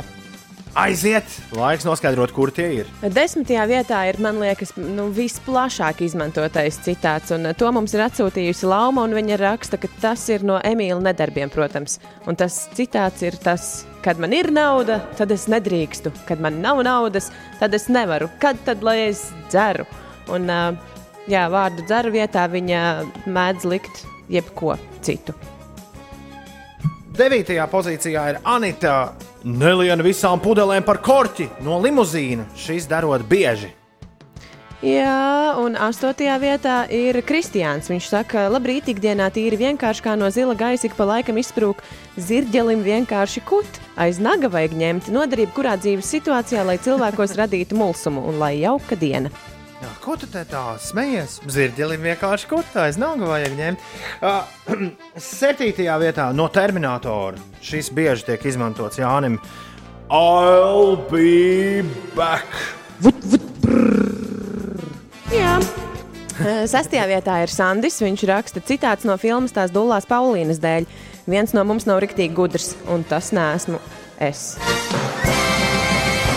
Es šo visu varētu arī no rīta rīktīgi labi izmantot. Piekta- Piektajā pozīcijā uh, šāds. Kad ar draugiem savā starpā mēģinām sadalīt naudu, tad atlikumu paturi tu netīrais lops. Keep the change, you filthy animal! Filma ir Home Alone, viens pats mājās. Jā, Ceturtajā vietā Dace ar, Šis, ir mans favorīts. ar citātu no vēla kalpiem. Izģērbies māsa Veronika, drēbju pielaikošanas eh, kabīnē ar draudzenēm veikalā vai arī atnākot ciemos ziemā. Izģērbies māsas. Uh, Salvijam. Trešā vieta nebūs. Trešā vieta ir Zivtiņai, kas raksta Nothing good happens after 2 a.m. Ļoti labs atgādinājums notīties no balītes, kamēr vēl ir jautri. Uh, tas no seriāla, kā es satiku tavu māti, How I Met Your Mother. Nekas Ah. labs nekad nenotiek pēc diviem naktī. Šo lūdzu, draugi, mīļie, vajag atcerēties. Otrajā vietā ir Mārtiņš, un viņš saka, ka lieku meitai apģērbties bieži citēja limuzīnu Jāņu nakts krāsās. Te nav nekāda nūģistu biedrība. Nav gan. Un pole position pirmo vietu šodien iegūst Jānis Jānis. Un skaidrs, ka limuzīns Jānis grāzā. Nu, kas tad cits, vai ne? Kādreiz uztaisīsim pirms jāņem arī no limuzīna top 10. Nu, tikai un vienīgi. Jā. Ar mīļākajiem citātiem. Bet uh, šodien Jānis Jānis vinnē, un citāts ir šāds. Tava māte tevi laikam dzemdējusi ar tiem taviem smalkajiem instrumentiem. Reizi Jānis Jānis raksta, nesmu šo izmantojis, bet gaidu izdevību.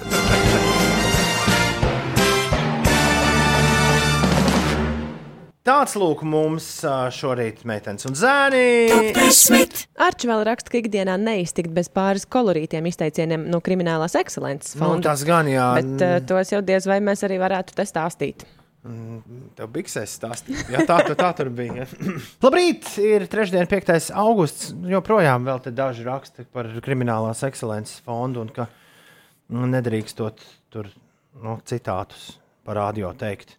Bet tur jau ir visādi, kurus, uh, kurus var pat radio laist. Jo mēs tur taču priekš kriminālās ekscelences radio tur visu kaut ko sataisījām. Kāds borņiks pēc tam gulēt, varēja vispār droši vien trīs dienas gulējis. Nē, cik laba mūzika. Neko. Man ir nepieciešams vēl viens triks. Nopietns, augstāka līmeņa. Varbūt no sākuma nopērts kādus borņikus, tu pie meitenēm arī šitā ja vienā rokā tūpes, otrā pēdas izvilkt. Sveiki, labdien, es te esmu.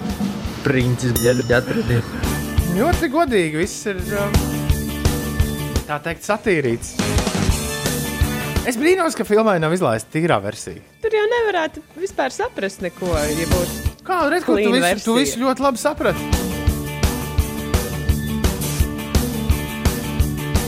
Ātrāk sāksim, ātrāk sāksim. Tad Kurā filmā tas bija? Nezinu. Toms Brīsīs būs kopā ar mums jau pavisam drīz. Ne jau par kino citātiem, bet par saulaino laiku. Mēs ar viņu parunāsim. Izraisīja pārdomas ziņa par Brensonu, Kārlis raksta, kas dodas kosmosā ar savā uzņēmumā izgatavot, tad būtībā paštaisīt kosmosa kuģi. Sanāktu spilgts ziņu virsraksts. Pirmkārt, tas ziņu virsraksts jau ir spilgts. Diezgan spilgts. Bet, jā. bet, bet patiesībā, ja mēs tā mm, nu, visu atmetot, tiešām par šo padomājam, tad šis ir stāsts par puisīti, kurš gribēja lidot kosmosā, uzbūvēja raķetīti un arī uzšausies. Nu, Bet jā, viņam bet, ir bijušas, uh, viņam vajadzēja lidot, man liekas, Ines jau kaut kādā 2010, 9, 8 gadā bija vispār plānots sākt to kosmisko tū- kosmosa turismu. Uh, un viņam ir bijušas tik daudz klapatas ar to Virgin Galactic. Bet nav Nekas jau- cits viņam tagad neatliek, ja viņš tiešām beidzot ir gatavs vest tur tos cilvēkus. Es zinu, ka pirmajā reisā pēc tam uh, Lajamam Galaheram ir biļete. Mhm. Oasis. uh, Nu, tur ir bijušajam 600 solistam. cilvēki. Jā, vi- uh, viņi kopā ar Rolls-Royce uh, kompāniju veido līdmašīnu, kas spēs trīs reizes pārsniegt skaņas ātrumu, un šis līdaparāts varēs pārvadāt līdz 19 cilvēkiem un varēs izmantot parasto lidostu infrastruktūru. Tad viņš, Ah, tad viņš ir mai- mainījis to, jo kādreiz bija doma, ka viņš pats tur būvēs to, to vietu, no kuras jālido. Ak, tā tā.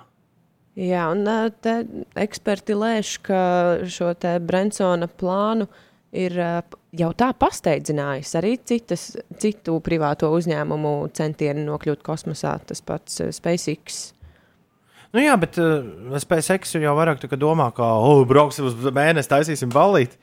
Ja tikmēr Bransona ideja bija vienkārši, tu kādreiz gribēji uzbraukt kosmosā, mēs te uzšaujam augšā, un tur, ja nemaldos, tu 20 minūtes pa- palidinies. Mm -hmm. Paskaties, Samaksā 250 tūkstoši Jā, jā pa, paskaties, kā pilspāle vai zīmolītis jā, lido tev garām un laidies lejā. Jā. Es, es, es brauktu raidīt no turienes, nu, mēģinātu visu laiku komentēt, kas, kas notiek. Kā, mēs esam vēl augstāk, vēl augstāk, mēs ceļamies vēl augstāk. Cik aizraujoši. Šā, šādi tas izklausītos. Es Es, redzu- gribētu būt pirmais DJs, kurš raida kosmosā. Kāpēc ne? Piedāvājiet man šo ar lielāko prieku. Jā, Ričards Brensons, es ceru, ka tu klausies no rīta, piecas rītas. Es esmu, es esmu ar mieru šo upuri ne, nest uz saviem. Un viņš mēģina, iedomājieties, viņš šobrīd mēģina sastādīt savu komandu. Hmm, ko es varētu ņemt līdzi? Ah, tur Latvijā jā, bija viens Tur DJs. tāds, tur tāds džeks, kurš sauc Toms Grēviņš! Ej, tu nos! kosmosā. Wow! Ko dara rītā cilvēki pēcpusdienā? Un Pēc tam, kad ir pagulējuši diendusiņu, es vakar noskrēju 10 km un pēc tam ar dēliem skatījos basketbolu. Savukārt Inês bija uz gaismas strūklaku šovu. Tas bija krietni vēlu vakarā, nevis pēcpusdienā. Mēs ar draugiem vispirms aizbraucām uz uh, manu jauno mitekli, lai viņi novērtē, ko es esmu izdomājis nākotnē darīt. Viņi teica, ka potenciāls dzīvoklim ir un uh, ka viņi man palīdzēs droši vien kaut ko nokrāsot, kaut ko izjaukt, kaut ko nonest, kaut ko uznest. Un tad uh, nu, dikti sagribējās uzēst.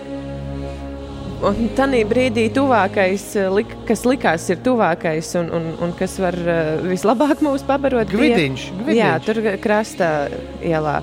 Jo bija jau diezgan vēls arī.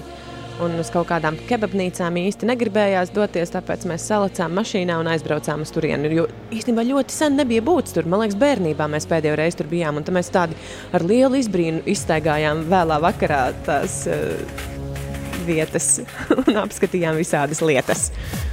Un viena no lietām, kas man ļoti pievērsa uzmanību, bija jā, tas eh, gaismas strūklaku šovs, kuram bija tāds ļoti interesants pavadījums. Kur bija mm, tādas eh, smagsvaru dziesmas, Latvijas, latviešu ar tādu nu, jocīgu pavadījumu, man liekas, sataisītas. Nu, remiksētas. Kuras dziesmas tur bija? Saula pērkons Daugava pavisam noteikti. Tas bija, tas bija šis remiksiņš? Nē, nē, nē, tas nebija šis. Tas bija pavisam kaut kāds tāds, eh, tāds lēnīgāks. Bet tāpat man likās, ka kaut kas tur nav pareizi. Man neliekas īsti, ka tādas dziesmas ir eh, jāremiksē vai, vai kaut kā tāda. Nu, Pašiem savu oranžiju varbūt jātaisa. Maz bērniņu krustelēs remiks man neizdevās atrast, bet Saula Pērkons Daugava hardcore remiksā. Nu, tas nebija hardcore. Tas bija tāds, tāds maigs, liekas, uh, remiks kopā ar uh, strūklaku gaismu šovu. Kaut kas tur tā. Mm, kaut kas likās nepareizi. Nu, labi. Jā. Kādu atzīmi tu dod strūklaku šovam? Vizuālais noformējums bija skaists. Bija tiešām uh, interesanti paskatīties, bet tas audio Muzikālais muzikālais jā, tur es ieteiktu kaut ko citu izdomāt. Ok. Cerams, ka dzirdīgas ausis to saklausīja. Nākamreiz tev pienāks tautas dēls klāt vidiņā un teiks, Ines Puček, jūs lūdzu varētu tagad doties mājās. Pirmkārt, nekomentējiet, te, kas notiek radio. Otrakārt, nenāciet aiztu tan. Ja tu kādreiz sūdzēsies par lieko svāru, tad es tev atgādināšu, kur tu gājies. Bet tā bija viena vienīga Nu, reize. labi, labi, labi, labi, labi, labi, labi. Es jau te sāku pēc aitas izklausīties. Ir 11 minūtes pāri astoņiem. Ir trešdiena, 5. augusts. Celies augšā! Labrīt! jā, jā! Ir tā diena pienākusi. Tas Rīga Latvijā! Kad Iet pa ceļu, nagu laks, nagu laks, nagu laks. lielajam pirātam šodien seši. Hey! Amilau! Run, run, run, run! Jej! Mums ir prieks, ka tu audz. Tad, kad kādreiz tev būs šāda balss, tad tev būs arī jāpasaka, hei, I'm in love, rum, tum, tum, tum. Hey! Amilau! Run, run, run, run! Es ceru, ka viņam pašam arī ļoti patīk tas, ka viņš eh, skan gandrīz katru dienu radio. Vēl jā, vēl jā. Tad, kad 7. klasē sazīmēs, ka tas ir viņš. Tad būs vis visādas reakcijas, es pieļauju. Mieru, tikai mieru. Bet, vecīt, ja tev kādreiz, uh, dārgais pirāts, uh, sagribēsies, uh, nu, lai mēs beidzam šo atskaņot, viss, kas tev jāizdara, ir jāuzraksta mums iesniegums. iesniegumus. Nu, jā, jā, Man iesniegums liekas, ka tu vari elektroni, atsūtīt arī- elektronisks arī derēs. Arī vienkārši izziņa, bet nu labi. Iesniegumu ar parakstu, protams. Māmas apstiprinātu Ko lūdzu? iesniegumu. Nu, jā, jā, jā, jā nu, tad, nu, kad, jāliek. Arī Inters būs. Arts Volfs arī varētu mierīgi uzrakstīt uh, iesniegumu, lai mēs beidzam izmantot. Čau, eterbiedri! Etera cilvēki! Inters Busels varēs kādreiz atteikties arī no. Toms Grēviņš! Ej, tā. tu nost! Wow! Jā, bet tie nabaga ārzemju vīriņi, ko mēs izmantojam, tie nekad neuzzinās to, ka viņi šeit tiek atskaņoti. Tas, Hmm. kurš mēģina angliski runāt, piemēram. Mm. Kā tu zini, ka neuzzinās? Ričards Brensons visu mainīs šajā lietu kārtībā. Kad cilvēkam gribas, es atvainojos, aiziet apmeklēt to lietu, viņam ir visas tiesības to izdarīt. Labi. Turpinam ar jubilāriem. Trešdien, 5. augusts, celies augšā. Šodien Osvalds un Arvils svin vārdu dienu. Bilu, bijušais Latvijas futbola izlases galvenais treneris, arī, dzen, protams, futbolists Marijans Pahars svin dzimšanas dienu. Eiropas komisijas priekšsēdētāja izpildu vietniekam, bijušajam premjeram Valdim Dombrovskim dzimšanas dienu. Daudz laimes Ingusam un Andrim Reizenbergiem! Un producentei un režisorai Aijai Strasdiņai arī daudz, daudz, daudz ziedu. Šodien Luis Volšs, vec, jaukt, jautrais vecītis no X faktors. Viņš viņš piemīlīgi izskatās vienmēr. Jo, viņš vienmēr arī kaut ko piemīlīgi pasaka. Un tad Simons Kovels saka, kā ir. Un amerikāņu bijušais basketbolists Patriks Jūings svin dzimšanas dienu. Jā, un Kristers Spalva arī. Lai, lai viss tev paspālē, Kristap. Mums, man un Inesē, ir pievienojies Toms Brīsīs. Labrīt, Tom! Labrīt! Tom, tu sēdi uz balkona, kurā tu vēro laiku. Tā izskatās. Mēs esam arī. Es mēdzu pavērot, ja ir tāda sajūta, ka ir kaut kas uh, datos nesaskatāms, bet pa balkonu, uz balkona varētu būt saskatāms, tad es, nu, tad es no rītiem iznāku. Bet tā vispār es uh, pieturos pie, pie datora vairāk no rīta, tur ir vairāk informācijas. Ko tu redzi? Kas, kas tur ir tagad? Šobrīd zilas debesis un uh, gubmākonīši, tādi kumulus humilis, tādi mazie gubmākonīši. Sākas siltais laiks, vai ne? Jā. Jā. Bet vai gadījumā augusta sākumā, jeb šo jūlija beigās, visi nerunāja Jūlija par beigās to? precīzāk. Jā, jūlija beigās. Vai tad nerunāja par to, ka tas augusts būs tāds, nu, drāmīgs mēnesis? Uh, nu, bišķiņ jā, bišķiņ nē. Jo um, uh, nu, ilgtermiņa prognozes nu, tiešām nebija ne tuvu tādas, kādas tās ir šobrīd. Bet uh, tur tā jautā, um, tas jautājums par to, cik drāmīgu uh, tajās prognozēs varēja saskatīt un cik drāmīgu cilvēki gaidīja, nu, tur ir jautājums komunikācijā. Jo um, es pārsvarā centos teikt, ka nebūs karstuma viļņu. Jā. Nebūs noturīgs, saulains, sauss laiks, tāds stabils laiks, bet vasaru norakstīt noteikti nevajag. Eh, Rezultātā mums būs saulains, sauss, noturīgs. Bet es neteiktu, ka karsts būs nu, divas, varbūt trīs dienas nedēļas nogalē izskatās ar vietām 27, 29 grādi, kas jau var tikt definēts Latvijā kā karstums. Bet nu, vairumam jau man šķiet, ka tie 30 grādi prasās uz tādu, nu, kad saka, nu, ir ritīgs karstums, vairākas dienas pēc kārtas, kārtīgs karstuma Bet, jebkurā gadījumā tādu uh,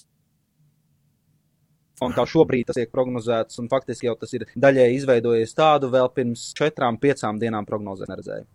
Es uh, bieži vien mēģinu saprast, kur ir latvietim visatbilstošākā temperatūra. Vai tu esi nonācis līdz atbildēji? Latvieša komforta temperatūra. Kurš ir tas cipars, pie kura latvietis saka, ej, nu ir feini? Jo visu laiku ir sajūta, ka ir vai nu bišķi par augstu, vai bišķiņi par karstu.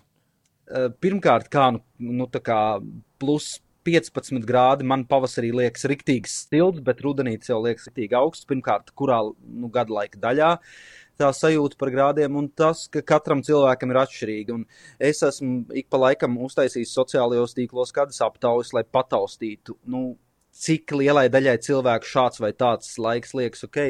Nu, faktiski nav iespējams pateikt kaut kādu tādu, nu, tiešām laiku, kad izcils vairākums tiešām teiks, jā, šis ir labs. Jo arī vasarā, kad tagad, piemēram, es tomēr eh, šīs tuvākās 6, 7 dienas saucu par labu laiku, ar tādu uzsvaru, ka, nu, beidzot būs labs, noturīgs savs laiks. Tāpat es saņemu Instagram un Facebookā ik pa laikam ziņas, ka nē, nē, nē, es gribu lietu. Manā dārzā ir par maz līs, tur, um, nezinu, dīķis pustukšs joprojām ir. Vai arī ir cilvēki, kam vienkārši patīk lietas, un lietainā laikā viņi jūtas labi. Kādam ir jau 22 grādi daudz par karstu. Nu, tā kā notrāpīt uz šo nav iespējams tā simtprocentīgi. Šeit es tomēr paļaujos uz tādu, nu, uh, kaut nelielu, bet kritisku vairākumu. Jā, ka saulains laiks vairumam cilvēku tomēr šķiet labs, bet es saņemu par to sūdzības visu laiku. Es Tāpat tieši... arī ziemā, kad snieg, tad uh, kādam ir labi, jo ziemā taču ir jāsnieg. Bet tad ir uh, kāds, kuram ir jātīra sniegs, un kuram tas nepatīk. Nu, vi, visu laiku gan objektīvi, gan subjektīvi nekad nebūs tā, ka visiem patīk. Jo kādam tiešām, kādai arī tīri saimnieciski, kādai ekonomikas nozarei viens laiks būs labs, eh, un tas pats laiks kādam citam būs slikts. Es tieši gribēju tev jautāt par tiem uh, komentāriem. Uh, nu, tu daudz saņem tādas ziņas Instagramā, jo man liekas, ka tu esi viens no lamātākajiem cilvēkiem Latvijā. Jo vienmēr es... tā Antes saka, tas bricis taču teica. Uh, es saņemu ļoti daudz, un uh, nu, es aptuveni pusotru gadu nu, aktīvi dzīvoju sociālajos tīklos ar, ar, ar savu darbu un darbiem. Un, nu, tagad es teiktu, ka atbildēšana uz jautājumiem uh, ir nu, viena ļoti liela mana darba, darba dienas sastāvdaļa.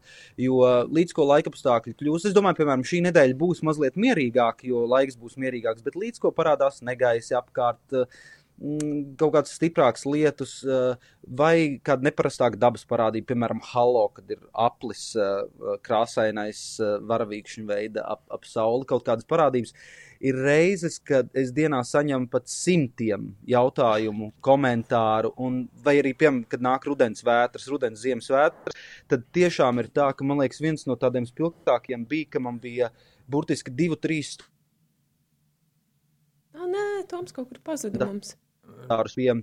Ziņām bija ap 600 uh, komentāru, uz kuriem vairāk vai mazāk ir vai nu jāatbild, vai nu tie ir tomēr jācaur skati, jo cilvēki tomēr man uh, atsūtītā informācija bieži ir noderīga gan man, gan arī pēc tam publicēšanai. Tas ir interesants, noderīgs saturs. Līdz ar to tā ir tiešām viena liela daļa uh, mana darba, ka ir jāizskata cauri viss, ko man atsūta, un es cenšos tiešām arī atbildēt pēc iespējas izsmaļošāk un skaidrāk uz visu. Taču dzīvais kontakts, to jau ar to internetu nemaz nevar salīdzināt. Es pilnīgi iedomājos, ka tev nu, ik pa laikam kāds nāk klāt un, un, un stāsta savus novērojumus un savas pārdomas par, mm, par laika prognozēm arī dzīvajā. Kas ir visinteresantākais, ko tev ir pārmetuši? Nu, jā. Hmm. Es nezinu, man dzīvē īstenībā nav nemaz tik bieži. Tas vairāk jau ir tad, kad ir kāds konkrēts pasākums, kāds nu, kāds seminārs, mm, apmācības, eh, eh, kāds vienkārši izglītojošs pasākums, ko es, ko es vadu vai kur es piedalos, tad varbūt nāk. Bet uh, interesantākie tomēr ir tas, tie komentāri un ziņas, ko man sūta internetā.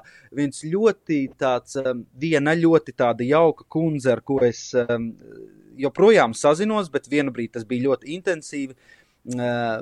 Maigas kundze no Limbaģa puses, un viņa man aptuveni gadu vismaz uh, divas, trīs reizes dienā sūtīja ziņu, kāds pie viņas ir laiks, cik ir grādi, vai spīd saulīte. Un uh, es centos arī uz visu noreaģēt un atbildēt, nu jā, jauki tā vai jauki šitā.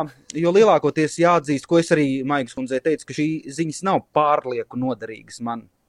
Bet uh, tad nu, pagāja kāds gads, un Maigas kundze nebija pāris dienas rakstījusi, un tad viņa atkal uzrakstīja un teica, ka viņa laikam vairs nesūtīs man katru dienu divas, trīs ziņas, jo viņai šķiet, ka tiešām šīs ziņas nav man noderīgas.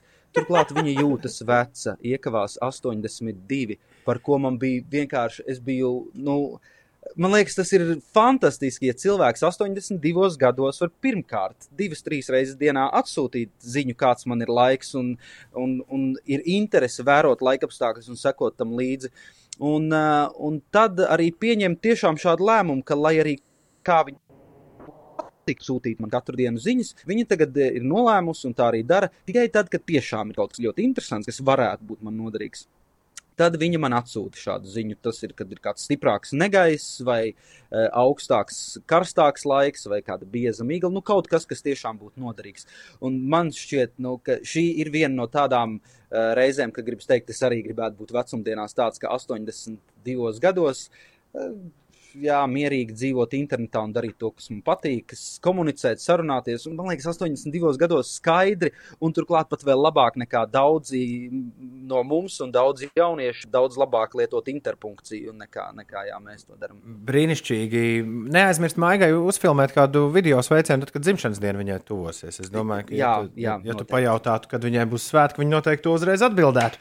Latviešiem interesē divas lietas, principā, par laika apstākļiem. Nu, ja godīgi, jā, interesē, vai Ziemassvētkos būs sniegs un vai Jāņos līs. Uh, Nu tā, Jāņa ir pagājuši, tagad Ziemassvētki. Ja, mums te ir pēc, uh, pēc pāris mēnešiem burtiski jau klāt.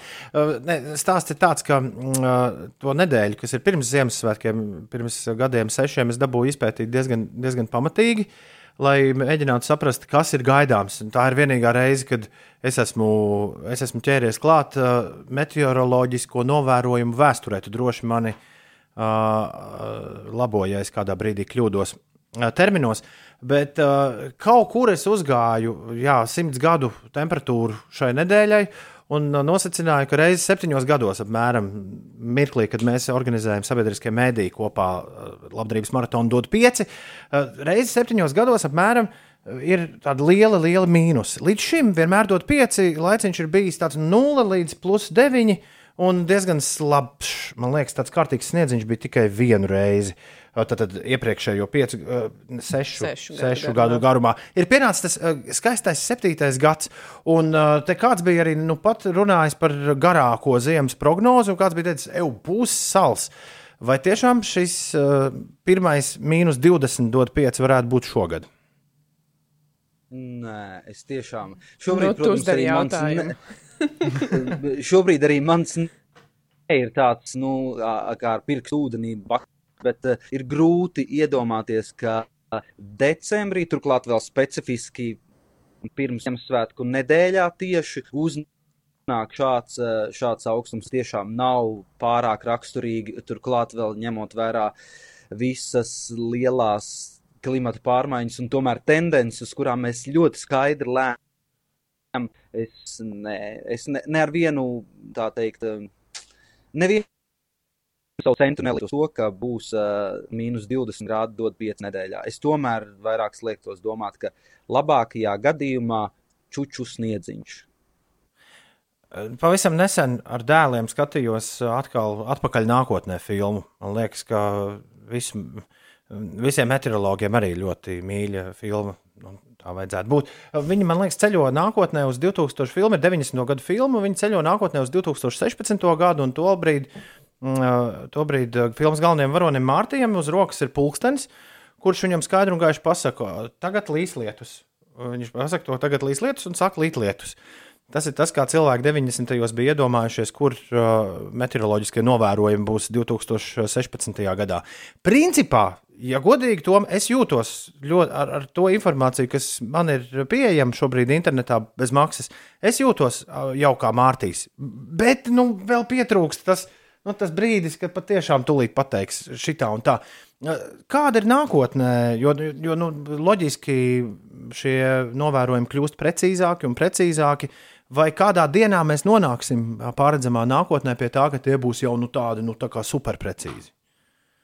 Nu, tuvākajā pārskatāmajā nākotnē, es domāju, nu, pagaidām tas nav vēl redzams, jo tās tehnoloģijas, kurām šobrīd uh, tiek prognozēta laikapstākļi, ir sasniegušas nu, gandrīz savu maksimumu kapacitāti. Teiksim. Tā šobrīd uh, tas nākotnes skats tiek vērsts kvantu datoru virzienā, kur varētu būt uh, tas nākamais solis, bet šobrīd ar to, kas mums ir, tas tie uzlabojumi katru gadu ir ļoti niecīgi, ļoti minimāli. Uh, nu, šāds pulkstenis lielā mērā varētu teikt, uh, ir dažās Eiropas valstīs, Rietumē Eiropas valstīs un Amerikā, kur uh, ir attīstītāks, um, attīstītāks tieši īstermiņa prognozes, attīstītāks, jo tas radars, ko varbūt daudzi lieto, kur ir redzams, kā pārvietot šobrīd nokrišņu mākoņi. Nu, tos datus var smuki salikt kopā ar īstermiņa prognozi, un tad tiešām gandrīz uz sekundi var būt uh, precīzi tā prognoze. Bet Latvijas uh, meteoroloģiskais radars ir,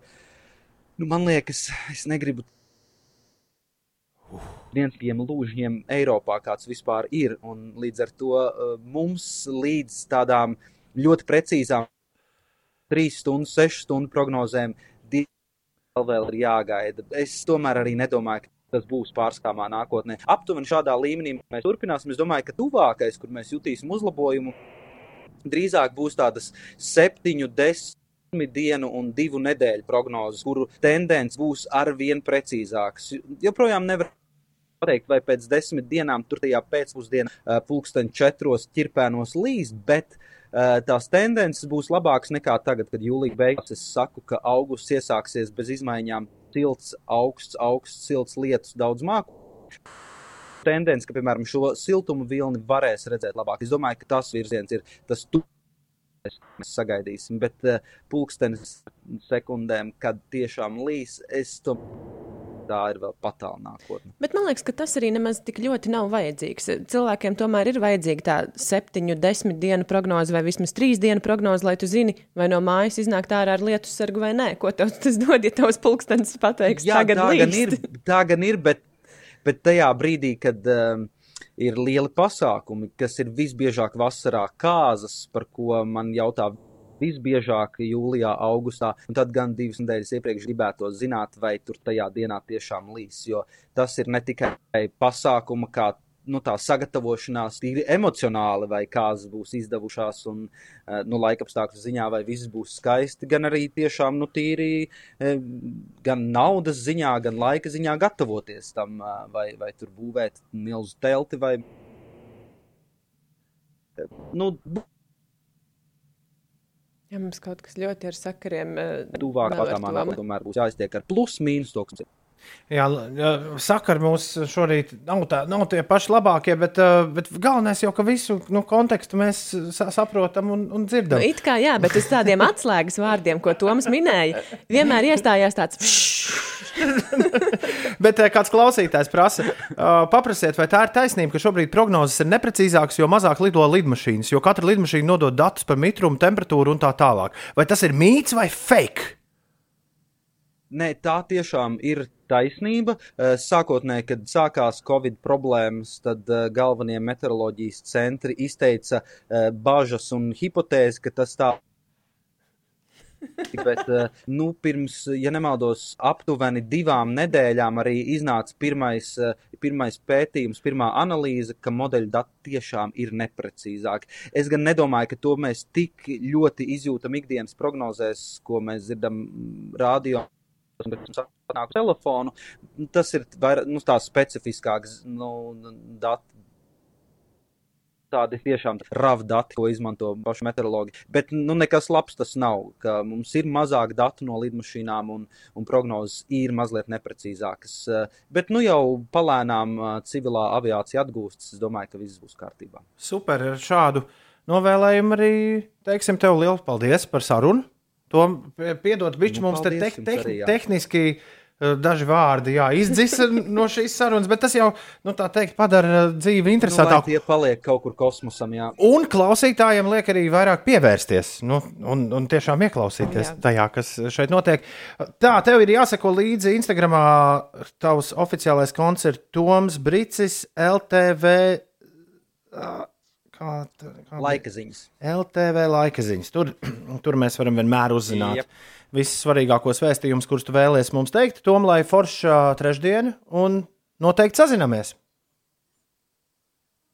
Un, Nu, noteikti. Pag, paga, un vēl dziesma. Es, vēl, es gribēju no tevis veselu top 3 ar dziesmām par laika apstākļiem dabūt ārā, bet, uh, bet būs tikai viena dziesma. Bet toties lieliska dziesma. Kāpēc šī dziesma? Jo attiecībā ar laikapstākļiem parasti nu, tādus, kur tiešām ļoti konkrēti piemin laikapstākļus, nevis tikai tā liriski. Tās visas dziesmas tādas pastulbas, man liekas, ir. un, un šī ir tāda, kas ir tiešām ļoti forša. Arī pērkons, grupa pērkons ir leģendāra, lieliska un fenomenāla. Un šī dziesma, zaļā dziesma, ir tā, kur man nav nav uh, nu, tā nērti klausīties kaut ko par laiku. Turklāt vēl es atceros ļoti senos laikos, man liekas, gadiem desmit. Uh, daudziem mums zināmā Elīna Kolā teica, man šīs dienas vārdiem vienreiz vajadz. Jā. Kā tā var būt? Tur tur mākoņi. Vārdi, ar kuriem pietiktu laika ziņu izlaidumam. Tad vēlreiz Elīna teica, ka šajā dziesmā ir tik daudz vārdu uh, par laika apstākļiem, ka pietiktu veselam laika ziņu izlaidumam. Tāds ir kopīgais konteksts. Jā, jā, jo tur ir pilnīgi viss, kas ir vajadzīgs. Krusta, migla, rasa. Nu, varbūt pērkona negaiss laikam tur nav, bet pērkons uh, grupa ir pērkons. Gal galā. Tom, liels paldies par sarunu, lai forši, un paldies, ka ar mums sazinājies šajā rītā. Čau! Atā!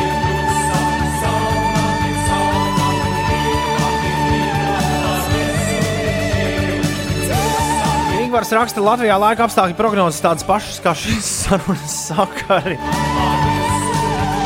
Pagaidiet, pagaidiet, pagaidiet. Prognozes ir pilnīgā dēlī aizgājušas tikai divreiz aizvadīto mēnešu laikā, cik es sev atceros. Nu, tā kā mēs teicām, ka lietu sargs nav vajadzīgs un visu dienu līja lieta. Bet es uzzināju no sarunas ar Tomu daudz ko jaunu, ko es iepriekš nezināju. Tīpaši par to, kas, nu, kas attiecas uz to laika prognozēšanas nākotni. Un par to pieci arī varam nesatraukties. To siltumu vati, ko es te savēdu, Ines, varam, varam droši nu, kādam citam atdot. Siltumvati. Nu, jā, nu, man liekas, ka būs beidzot mīnus 20. Ah. Bez desmit minūtēm deviņi ir pareizais laiks. Ines, kas notiek? Ā, Mums kāds klausītājs pirms nu, jau pusstundas apmēram rakstīja, ka centra virzienā uz salu tilta pie Telts ielas esot avārija, ka tur varētu veidoties sastrēgumi. Ņemiet vērā to. Šobrīd uz A7 posmā Kroksilas balošu pagrieziens ir jārēķinās ar 12 minūšu kavēšanos Tallinas ielā ar um, posms no Krišņāņa barona ielas līdz brīvības ielai. Tur 8,5 minūtes pavadīsiet jūrmālas gatavē jārēķinās ar teju 8 minūtēm, krasta iela sastrēgus uz 7 minūtēm, tas pats uz Vanšu tilta braucot centra virzienā. Viestura prospekta pagrieziens uz tilta ielu šo posmu izbrauksiet 5 minūšu laikā, bet citās ierastajās sastrēguma vietās situācija ir visai eh, mierīga. Tas par situāciju ielās. Liepājas teātris šodien atklās pagalmu koncertu sēriju Vasaras vakari Liepājas teātrī. Šie te koncerti notiks veselas 7. augusta vakarus. Par ārzemēm britu miljardieris Ričards Brensons nākamā gada sākumā dosies kosmosā ar savu uzņēmumu Virgin Galactic uzbūvēto kosmosa kuģi. Un vēl ziņa no Vīnas zoodārza. Tur ir piedzimuši četri gepardu mazuļi. Priecīgais notikums ne tikai ļaus apmeklētājiem labāk iepazīties ar interesantiem dzīvniekiem, bet palīdzēs arī saglabāt savu vaļā apdraudētos kaķu dzimtes pārstāvjus. Mums tīģeri vajag. Nav vairs tīģerīšu zoodārzā. Jā. Varbūt no vīnas varam dabūt. Var neskriet nekur un palikt tepat. Ja liekas, ka ir atrasts pietiekoši liels plats, kā zinkārīgs tips, kas uz blēņām ir likts, gribu saprast, cik tā tālu es vispār varu tikt. Šonadēļ tramplīnā Goča un Epifānija. Kāds raksta, ka dziesma tieši laikā. Un uh, vēl kādam citam ir Goča, tā kā nav Gačo. Tiešām traki tiem reperiem, ka nav citu pseido vārdu. Bet ir taču tas vecais labais teiciens, neskata vīru pēc cepures. Šonadēļ tramplīnā mēs klausāmies šo jauno daudzsološo reperu. Rīt karnevālī jūs ar mums papļāpās, viņa jaunā avantūrā vienā ir iesaistījušies. Jā, tā kā rīt atkal um, tikšanās ar viņiem, bet šodien mēs sakām visu labu! Atā!